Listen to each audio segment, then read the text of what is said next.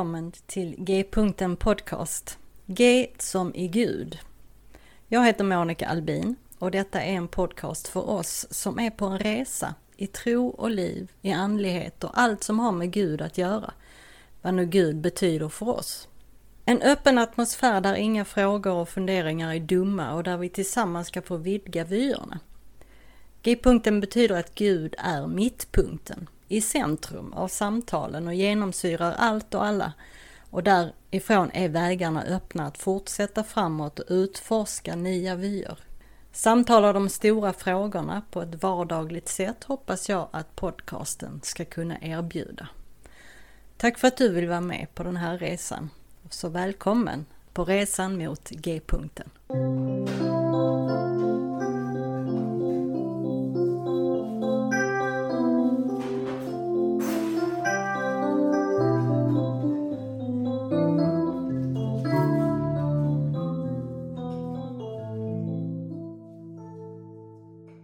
Och välkommen tillbaka till G-punkten Podcast. I dagens avsnitt så samtalar jag med Fotini och Olle Karlsson som nu tillsammans har skrivit boken om kärlek. Olle var ju med i ett tidigare avsnitt så där kan ni gå tillbaka och lyssna på det. Där pratade vi mer om hans eh, liv och eh, historia och tidigare böcker. Den här boken är en bok om kärlek som är hoppingivande, stärkande, tillåtande och skänker livsmod. Den är fylld med Olles och Fotinis frågor att reflektera kring.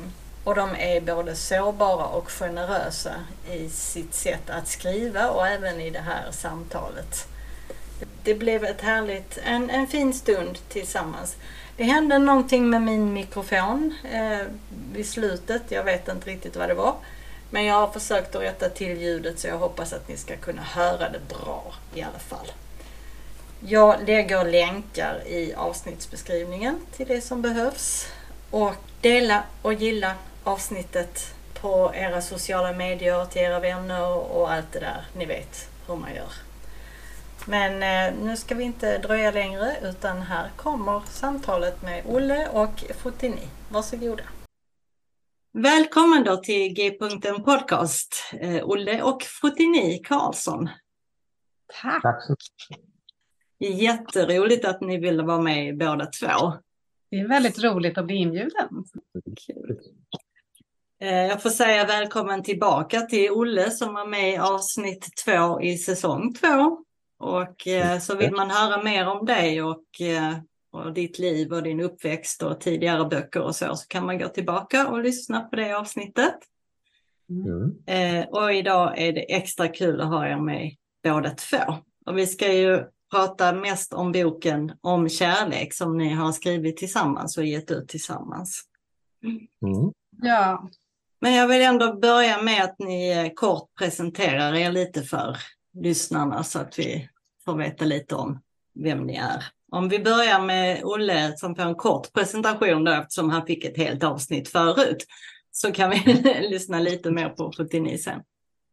Ja, eh, yrkesvägnar är jag pressen 42-43 år tillbaka. Jobbat eh, mestadels på Södermalm i Stockholm med ett eh, intressant arbete bland urbana människor som jag idag fortsätter tillsammans med min fru botani, något som heter Contempel och förutom det så har jag skrivit ett antal böcker, ibland själv, mycket tillsammans med min fru botani och eh, annars är jag mycket mer. Jag är en, en stor, stor familj som betyder mycket för oss och eh, Roslagen betyder mycket för oss och så vidare. Det får mm. räcka kort om mig här. Tack. Okej. Okay. Du då, Fotini, kan du berätta lite om dig själv och kanske kanske lite mer om hur din uppväxt såg ut för dig och hur det har förändrats ja. över tid. Eh, men tack för att jag får vara med och tack för eh, att eh, du vill uppmärksamma vår bok om kärlek. Och jag heter ju Fotini och det är grekiska mm. Eh, för ljus, den upplysta, den lysande wow. faktiskt. Mm. Eh, och ehm, jag är mamma och fru och journalist och författare och eh, ja, arbetar med Contempel och livsstegen som Olle och jag har utvecklat tillsammans. bland mm. annat. Eh, min uppväxt, ja. Eh, det, det, är en lång historia, men ehm, eh, så, det blir också en bok en vacker dag. Men jag eh, håller på och ehm, eh, jag skriver ner faktiskt ehm, den här det är så här att jag är uppvuxen på en liten grekisk ö som heter Simi och eh, en ganska eh, traditionellt kristen eh, ortodox familj, eh, grekisk ortodox. Och på min pappas sida. Sen har jag min mamma i eh, Stockholm på Södermalm i en stor familj, vänsterradikal miljö. Och däremellan har jag pendlat under min uppväxt och eh, försöker hitta hem i, ehm, i de här eh, olika miljöerna. Och, ehm, ehm, och där kan man väl säga att det som jag och Olle jobbar med är just eh, mötesplatser för olika eh, bakgrunder, åskådningar, mm. Mm. klasser, etniciteter, men med kärleken som grund. Mm. Spännande. Under pandemin så skrev ju du, Olle, boken om tröst. Och det var, det var ett smart drag tycker jag, för vem behövde inte tröst under pandemin? Eh, men sen berättade du för ett tag sedan att det skulle komma en uppföljare då som skulle handla om kärlek och heta just om kärlek. Så den har ni nu också skrivit tillsammans. Och som ni sa så skriver ni mycket annat också tillsammans för övrigt och arbetar också tillsammans. Men jag blev ju lite nyfiken då, blir det de här två omböckerna eller blir det en trilogi? Mm, Kommer det en till, typ om, om fest eller något? ja, det, det, det, det, kommer om God willing en, en, ett eller flera böcker till faktiskt på samma tema. Ja. Det är inte riktigt klart än, så att eh, vi håller det lite grann, men det, det, det kommer nog. Mm. Ja, vad spännande. Då får vi mm. ha det också att se fram emot. Mm. Eh, och boken om kärlek, den finns ju både som pappersbok, e-bok och ljudbok, vilket jag uppskattar väldigt mycket. Så tack så mycket för det. Men kärlek då, det är ju ett tidlöst ämne och hur många böcker finns det inte om kärlek av olika, på alla möjliga och omöjliga sätt. Så behövdes det verkligen en bok till om kärlek? Eller ja, ni tycker uppenbarligen det. Men vad kan ni tillföra med den här boken? Så jag tar första bollen så får du fylla i att um, mm du har ju skrivit mycket om kärlek redan och jag har hjälpt till som journalist, redaktör, medförfattare och hela din kallelse Eh, tycker jag handlar om det. Eh, men eh, för mig så, så, så är kärleken ett, en, en bra synonym till Gud som många använder, eh, kanske medvetet eller omedvetet, eh, för det här som vi inte vågar prata om idag. Det finns en, en Paul McCartney-sång som heter You thought the world would have had enough of silly love songs when I look around me I can see it isn't so. Så att eh, jag tycker kanske inte egentligen att eh, det finns många böcker om kärlek. Jag tycker vi skriver om kärlek på, på vårt sätt och eh, belyser den på ett sätt som jag tycker inte finns så mycket i Sverige egentligen och speciellt inte som når ut till de breda grupperna utan ja, men själva grunden till det är ju hela den rörelse som startade på Södermalm bland människor som har kommit dit. Det är människor som inte har gått i kyrkan och egentligen har det varit ett enda budskap söndag efter söndag. Kom ihåg att du är älskad. Mm. Och jag blev väldigt förvånad över de där enkla orden som har varit repetitiva och har, har slagit ner i människors hjärtan och människor har gråtit och eh, upplevt att det varit veckans höjdpunkt. Så det är så, den här boken utgår från tre delar. Så att dels utgår från det arbetet mm. och det har känts eh, väldigt eh, viktigt att få göra det här arbetet. Sen så, så är det också roligt att få skriva tillsammans på riktigt där vi också beskriver om liksom, hur vi har funnit varandra och lever tillsammans och sen så eh, tänker jag att det kanske aldrig har varit sånt behov att våga eh, sätta ord på kärleken som det är i vår tid. För de som kan Bibelns språk står att, att det är den yttersta tiden ska kärleken hos de flesta kallna, står det så här. Och, eh, mm. Vi lever i en kärlekslös så att, eh, så att det behövs att vi behöver sätta ord på kärleken och värmen. Ja, för vad kärlek betyder, det kan ju vara så väldigt olika för, från person till person och kanske från plats till plats. Så kan ni beskriva lite hur ni, eh, eller berätta lite hur ni beskriver kärleken med hjälp av de eh, grekiska begreppen? Ehm, jag ehm, skulle säga att vi, vi använder de här tre grekiska begreppen som finns i Bibeln också, men det är ju antika begrepp, för, förkristna begrepp, eh, eros, filia och agape. Och utifrån de tre olika dimensionerna av kärlek, alltså den romantiska kärleken, den eh, medmänskliga kärleken och den andliga kärleken, Eh, så pratar vi, Olle och jag, om våra respektive erfarenheter och eh, personligt. Vi är väldigt personliga emellanåt och ehm, sen så har vi också en resonerande del i, i mitten av varje eh, av, av, de här tre delarna där vi pratar lite mera historiskt, eh, filosofiskt och praktiskt tillsammans kring de här olika formerna av kärlek. Och det är ju så att eh, alla tre behövs. Mm. Alla tre eh, finns där omkring oss, men det är framför allt den här romantiska kärleken som vi förknippar med kärlek idag. Och det tycker vi är lite synd helt enkelt. Mm. Vill du tillägga något? Alltså, ja, precis som alla de flesta andra böcker vi skrivit så är det ju också ett, vad vi vill är att människor ska kunna använda det som inspiration. Det är till en självreflektion och ett samtal med varandra. Så att även i den här boken så slutar varje del med ett, ett, ett tankar kring liksom vad Eros betyder i mitt eget liv, att förleja, vad bättre och jag, vad, vad, som står mellan mig att kunna möta den formen av kärlek och eh, hur jag kan, jag, jag kan låta den bli starkare och så vidare. Så det är en, en, en, en, en inspirationsbok att våga ta kärleken på, på allvar. Mm.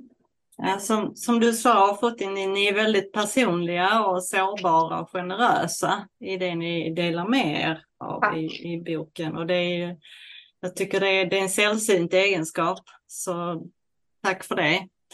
Och det gör ju också att man kan ta till sig det ni skriver på ett uh, djupare plan. Känner jag i alla fall.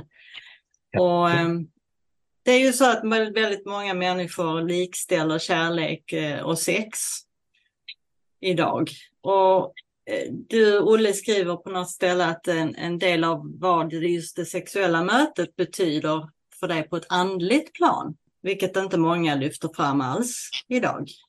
Inte i västvärlden i alla fall kanske. Eh, vill du eh, utveckla det lite grann om du vill? Absolut, jag ska se vad jag, att, vad jag tänker där. Nej, men, men alltså, för mig så är, jag har levt ett långt liv och eh, också har eh, barn i, i flera äktenskap. Livet har blivit så för mig, men för mig har, har är eh, andra människor får göra som de vill, men sexualiteten för mig är väldigt förknippad också med ett, ett, eh, ett, ett, ett, förbund. Och jag vet att det här kan låta väldigt så här, nästan kyrkligt någonstans och kan användas på ett, ett, eh, ett ganska fördömande, exkluderande sätt och dömande sätt. Men för, för mig så så är eh, sexualiteten och intimiteten någonting som är, är väldigt, väldigt eh, ömtåligt och sårbart. Och,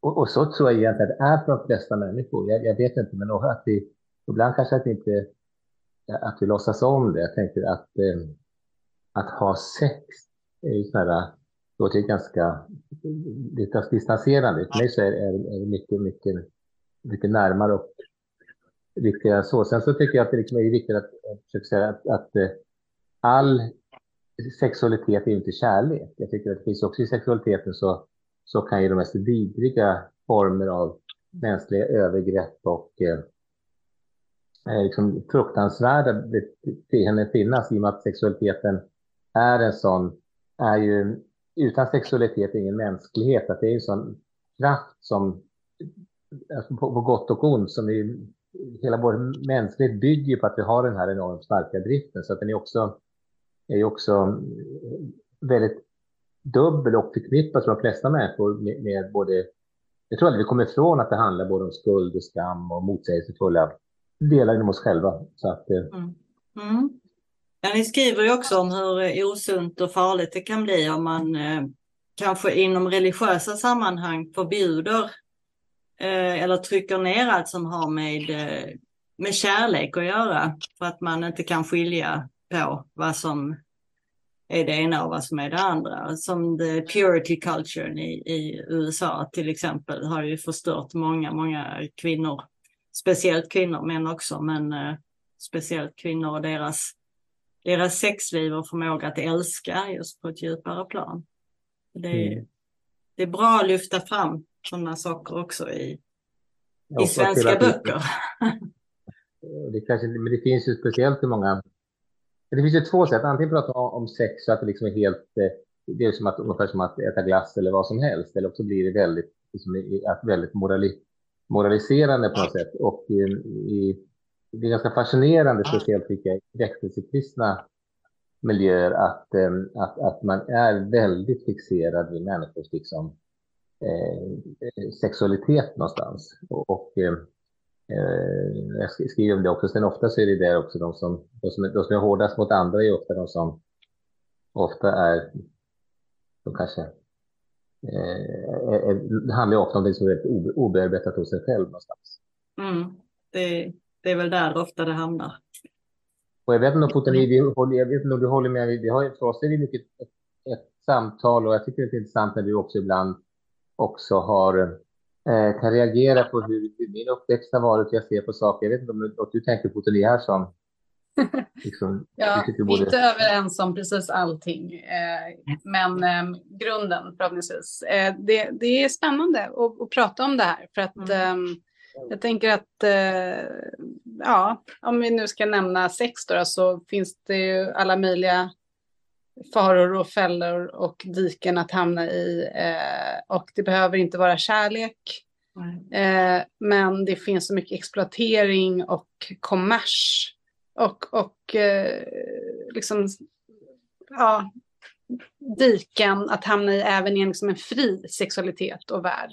Att inte behöva känna till exempel eller eh, förstå kanske konsekvenserna och sådär. Så att det är, men, men, men kyrkan har ju en tradition av att vara ganska strikt när det kommer till just den delen och därför så är det ju liksom viktigt också det som vi skriver att det är en eh, det, kan, någon, eh, det, är, eh, det skulle inte finnas här om det inte vore för den delen av oss. Nej, precis. Nej, det är bra och det, det är bra att man vågar ta upp det i, eh, i böcker Eh, som eh, går ut till den bredare publiken. Mm. Och sen i olika tider skriver jag också om så har moralen sett olika ut i olika kulturer. Det är, man måste våga, tror jag, eh, liksom reflektera på nytt i, i, i en ny eh, situation över vad som är, att lyssna till hjärtat, till Gud om man vill. Eh, vad är vad är, vad är viktigt i just den här situationen? Det finns inga regler som vi kan slaviskt förhålla oss till. Eh, ni skriver lite om eh, kärleksberättelser genom tiderna just. Mm. Kan ni bara berätta lite kort om det? Nämn inte alla för att vi vill ju att folk ska köpa boken också. Men mm. berätta lite om eh, de här olika kärleksberättelserna som finns genom tiderna. Jag, tänk, jag, tänker bara på en av de äldsta från Mesopotamien som mm. handlar just nu när vi ändå börjar prata så mycket erotik. bara en aspekt. eh, men där handlar det ju om en, en, en, kvinna då som tar initiativet och mm. Eh, liksom är den eh, här, eh, den i, i högstatus eh, relationen och, och eh, det tänker jag bara är intressant apropå att eh, eh, det finns inget svar på hur det ska vara och vad som är rätt och fel, utan vi behöver lyssna inåt. eh, till Gud eller till vårt eget hjärta om eh, liksom vad vi själva behöver och vill. Och i den här gamla berättelsen så, så är det en, en, en, en kvinnoroll, huvudkaraktären är helt annorlunda än den här som vi matas med idag, många kvinnor och tjejer, att vi ska vara liksom till lags eh, och så vidare. Har du något att tillägga, Olle? Jag, jag tänker att jag tycker det, det kan eh, jag har inte boken framför mig, men jag tycker att det är det, det du säger på ni får räcka som eh, en, en, den delen, utan men det, det är ju liksom att, att sexualiteten har sett väldigt olika ut genom tiderna och bara i, liksom jag tänker ofta kanske på mannens villkor, men jag tänker bara den associationen bara i vår tid och bara efter metoo, bara de senaste ehm, eh, är nästan ett paradigmskifte i vår tid, hur man, eh, hur man som man eh, kunde bete sig när jag var ung. Alltså, jag, jag tänker liksom manligt, manligt behandlade kvinnor som klappar på rumpan eller det fanns saker som man kunde göra och sexistiska kommentarer och saker som idag förändras helt och hållet. Så att det, det verkligen kan svänga snabbt som en eh, bara association hur det har ändrats och bara tänka på, på ett, år, ett årtionde faktiskt. Ja. Till det bättre. Ja, just det. Har vi svårt att eh, älska oss själva idag? Vi, vi skriver ju, ja, alltså, jag tror vi alltid har svårt. Vi, vi, vi, I boken så finns det ju, vi skriver utgår från tre begrepp, tre ord för, för kärlek, för Eros, för Agata, men det finns också ett, ett som är kort nämner, som heter Fille och Tia, ni kan uttala det bättre än vad jag kan, som just är egen kärleken som också är kärleken. Och då man talar om att det är två delar. Dels en osund egen kärlek som är narcissistisk någonstans, men också en, en, en del där man också faktiskt eh, älskar och accepterar sig själv. Egentligen så, jag brukar säga det att, att jag, det är självklart att man ska älska sig själv någonstans, men jag jag, jag brukar, jag försöker att inte vara raljerande det, men jag tänker att jag tror kärlekens syfte är ju egentligen inte inåtvänd, utan det handlar ju väldigt mycket om att, att våga öppna sig för kärlek och att våga bli älskad. Så att, eh, men i en tid då av självförakt och, och, och utseendefixering och där ingen duger så, så är det ju viktigt också att, ehm, eh, att försonas, att acceptera sig själv.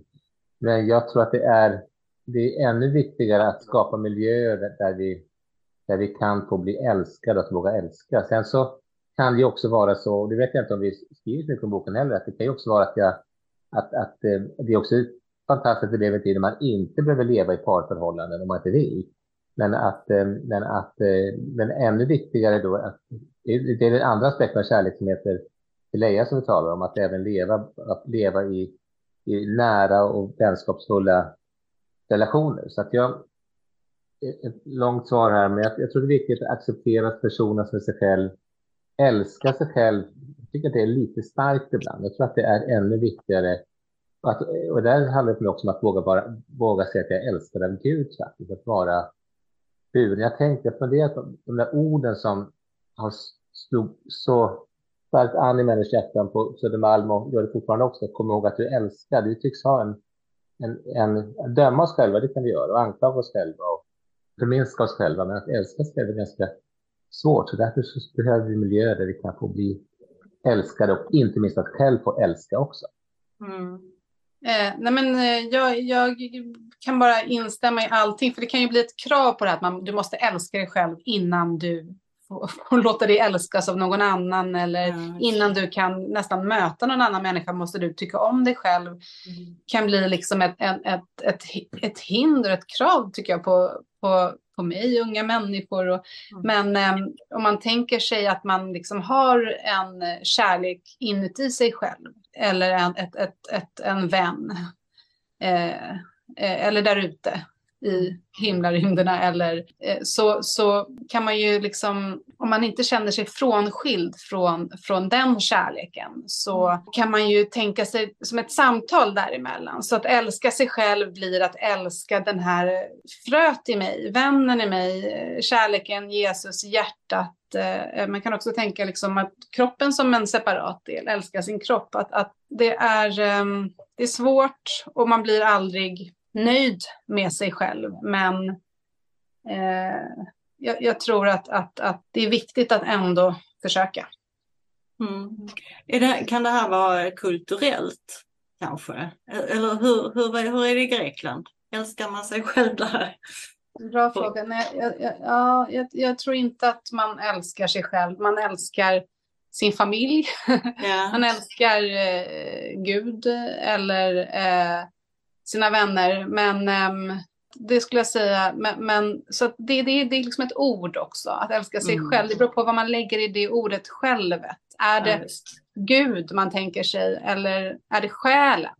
Mm. Alltså älskar, älskar jag själen i mig eller det eviga i mig? hjärtat.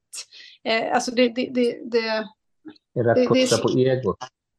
Vad sa du? Är det att putsa på egot eller är det att, att finna en djupare inre försoning och mm. möte? Ja, jag frågade om, om, om, om, om, om, om, det, om du tror att det finns ensamma människor i Grekland. Då, då svarar du nej faktiskt. Eh, alltså på ett sätt, det är inte säkert att man är man kan ju vara ofri och väldigt bunden av sin, sin klan. Mm. Däremot tror jag att, då, att det finns att, eh, att, det, att man är, att det är min känsla att om, om det, det kan ju vara en krävande kärlek, men, men du, är inte, du är inte ensam på samma sätt som vi är. Så det är ett pris vi får betala för en frihet och därför kan ju ensamheten att, att till och med välja bort det kanske starkaste kärleken som finns, familjens, ibland även förtryckande kärlek, att vi kan välja bort de här strukturerna är ju också en, en gåva hos oss, men det gör oss också, också mer utsatta, tänker jag. Mm.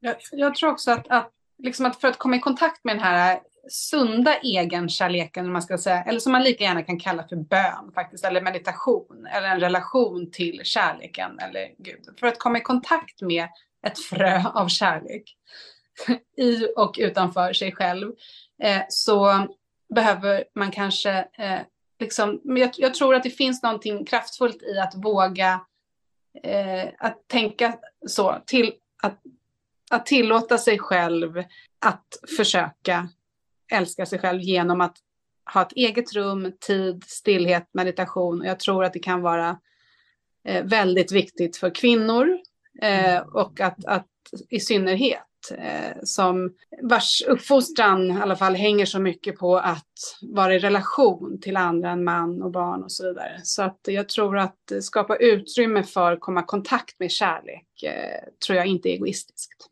Det är ganska intressant. Jag har inte tänkt på det förut. Jag tänker också att, att man, när man ser människor som lär sig gå med sina yogamattor eller att eh, ehm, det tycker jag, just den här kroppshysterin är, är inte, jag vet inte om det är en kärlek, men det, att jag tänker på de här yogamattorna någonstans, när man tar sig tid för någon slags eftertanke och fördjupning. Promenader, vandringar. Jag tänker att det finns sätt att ta hand om sig själv som är viktigt. Sen om det är att, som vi kanske är dåliga på, det kanske är en form av fylla och tia av egen kärlek.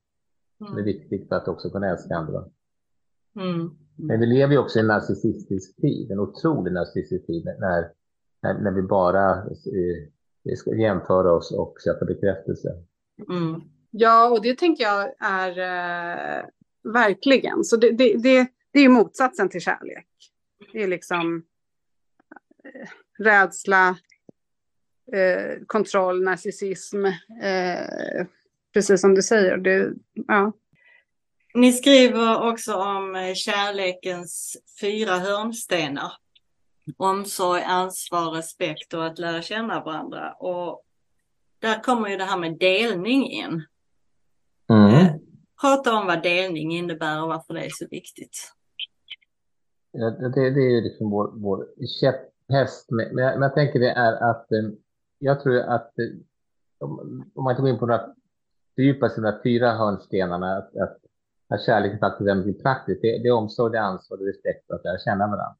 Jag tänker det som ofta händer i, eh, i, i en kärleksrelation inte minst, men det händer tror jag också i, i vänskapsförhållanden, på arbetsplats överallt, är ju ofta att, eh, att det faktiskt eh, kommer upp osynliga barriärer mellan Så vi tror att vi känner varandra, eh, men vi kan väldigt lätt glida från varandra. I vårt, det är hela vårt koncept i, i Contempel, man tar i vår privata relation egentligen, så kan man säga en, en nyckel. Det är inte så att vårt, vårt, vi är ett ofullkomligt liv, vi bråkar och tjafsar och olika dagar upp och ner som i alla andra eh, kanske inte alla andra, men liksom i de flesta andras liv, eh, ska inte generalisera, men det som är bland det finaste, det har vi gjort i morse, vi gjorde det igår kväll, det är att vi delar, eller sharing, och det är att vi, att vi som ett, ett slags tolvstegsmöte eller ett A-möte för oss själva, och där själva grundregeln är att aldrig kommentera eller att eh, inte heller ta upp det man säger efteråt sen och inte heller prata med den andra personen. Eh, och det här är bland det viktigaste vi har, det är att vi varje morgon och det gjorde vi i morse också, att börja berätta att hur, hur, är, hur, är, hur är din sinnesstämning idag? Och sen att lyssna till varandra och, eh, och vi går vidare sen berätta kanske vad, vad är det, något som stör min sinnesro idag, något som är arg, eh, något som oroar mig, eh, vad, vad, vad, vad är mina viktigaste prioriteringar idag, är det något jag behöver hjälp med? Eh, och sen så, för oss är alltså delningen är jätteviktig eh, och vi gör det dagligen.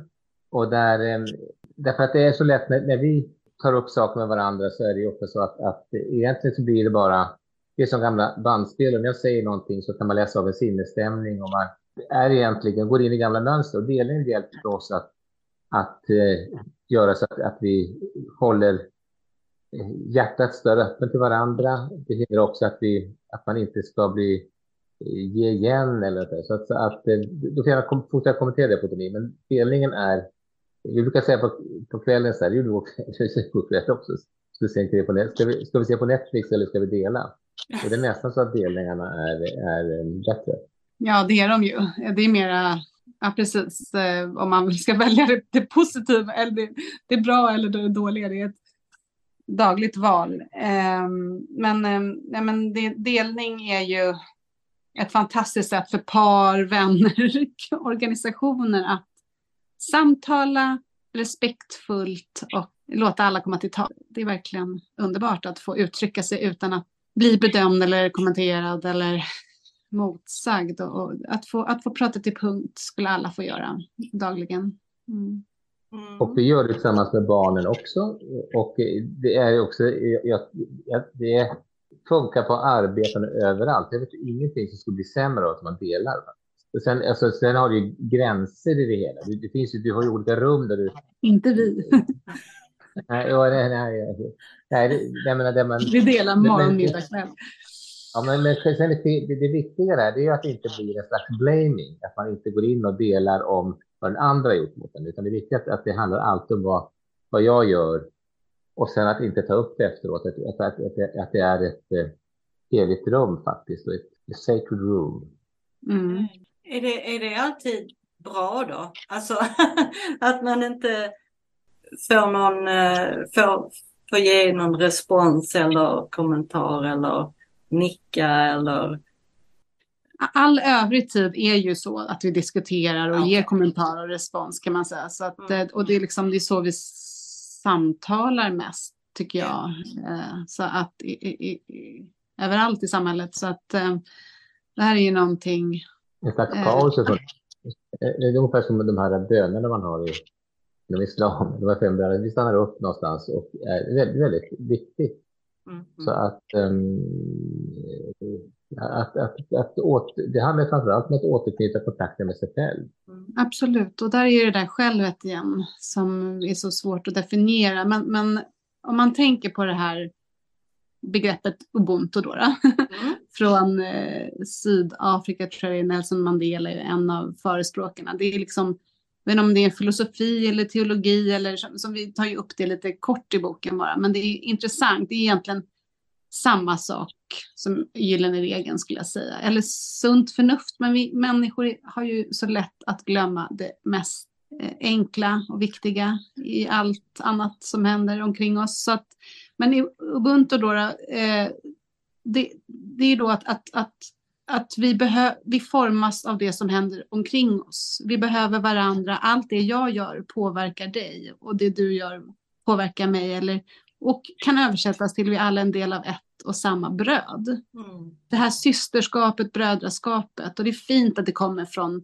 Afrika också som är en bortglömd kontinent nästan i vår utvecklade mm. liksom, teknologiska värld. Att vi liksom existerar bara i gemenskap, att uh, I am because you are. Så. Precis, jag behöver dig, jag behöver någon, jag behöver något. Och har vi inte tillgång till en människa som lyssnar, och ibland så kan inte vi människor vara den som lyssnar heller, vi är ofullkomliga, så det är då jag tänker att det, det är då vi kanske behöver Gud. Eh, så, eller, eller liksom självet, älska mm. Gud eller älska sig själv. Eh, det, det, som är djupast i mig, det är det som, som man kan översätta det till. Mm. Mitt, mitt högre jag.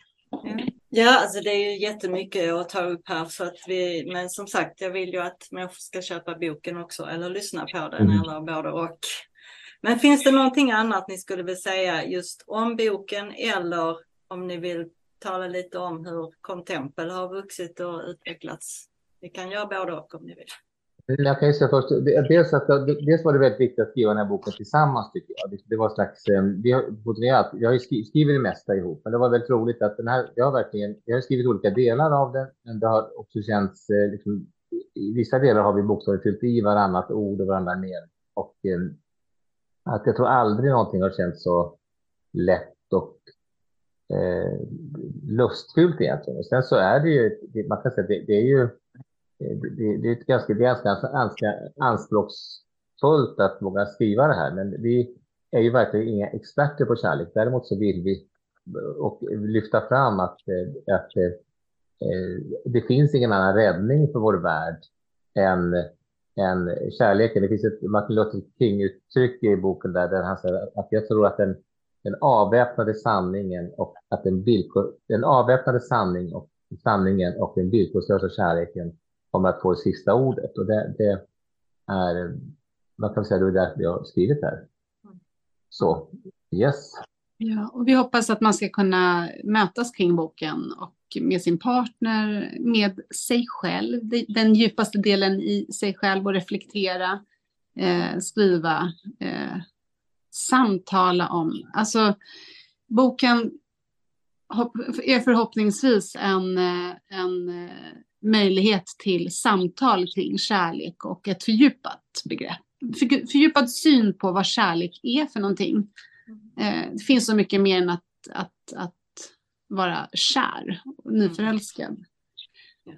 Och sen, sen, jag ändå som på så finns det en bit till att det här, när vi skriver så är det ju, vi, skriver mycket utifrån, utifrån erfarenheterna av arbetet i Katarina församling, som ju är en, en, en kristen dynamisk kontext.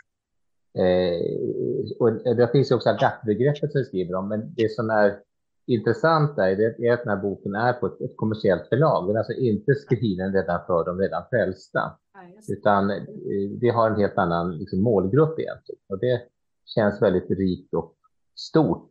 Mm. Så de här, våra böcker finns ju mycket mer utanför kyrkan än i kyrkan. Det är ganska roligt. Och drömmen är att den som läser boken ska känna sig eh, älskad, accepterad och okej okay, oavsett vad man tycker eller tror på eller hur man ser ut eller gammal man är eller vad man är i livet. Ja, ja, men det är härligt. Jag hade en härlig lyssning av den i alla fall. Så jag rekommenderar den till alla. det var gulligt. Och man kan ju, jag ändå skulle vilja säga en sak till. Jag tänker, för mig, jag tänker att det som, vad det handlar om egentligen, det är ju att eh, så all sund andlighet och religion, som jag ser det, handlar ju om, handlar om liksom medkänsla eller kärlek. Att man, kan, man kan säga att kärlek och medkänsla kanske är synonyma eller är på samma, i samma riktning. Och därför så är ju den universell och, och kan ju sammanfattas i den gyllene regeln då. Allt vad ni vill att människorna ska göra er ska också göra dem. Som, som finns i alla världens religioner. Mm. Eh, och till och med formulerat, den mest krångliga formuleringen är ju det man kan det kategoriska imperativet. Det är om man kan det, men det är helt, man ska alltid handla så att, man kan, att det kan upphöjas till allmän lag. Men jag tror att det är, att vi, att det, det, är faktiskt så att det är, det är, det är det kittet och det det som kan rädda oss. Om man tänker den artificiella intelligensen nu som man tror eh, till och med skulle kunna hota hela mänskligheten. Tänk om den kunde lära sig villkorslös kärlek. Det är det. Det var inget att vara rädda för. Bra. Nej, precis. Ja, bra. Jag har ju en sista fråga som jag frågar alla mina gäster, så ni får svara en i taget då. Mm. Eh, var finner du njutning och välbehag just nu? Underbart. Får, får jag börja? Nu finner jag njutning och välbehag i att prata med er om kärlek faktiskt. Jag tycker det är någonting i kroppen som händer när vi vågar prata om vad kärlek är för oss. Mm.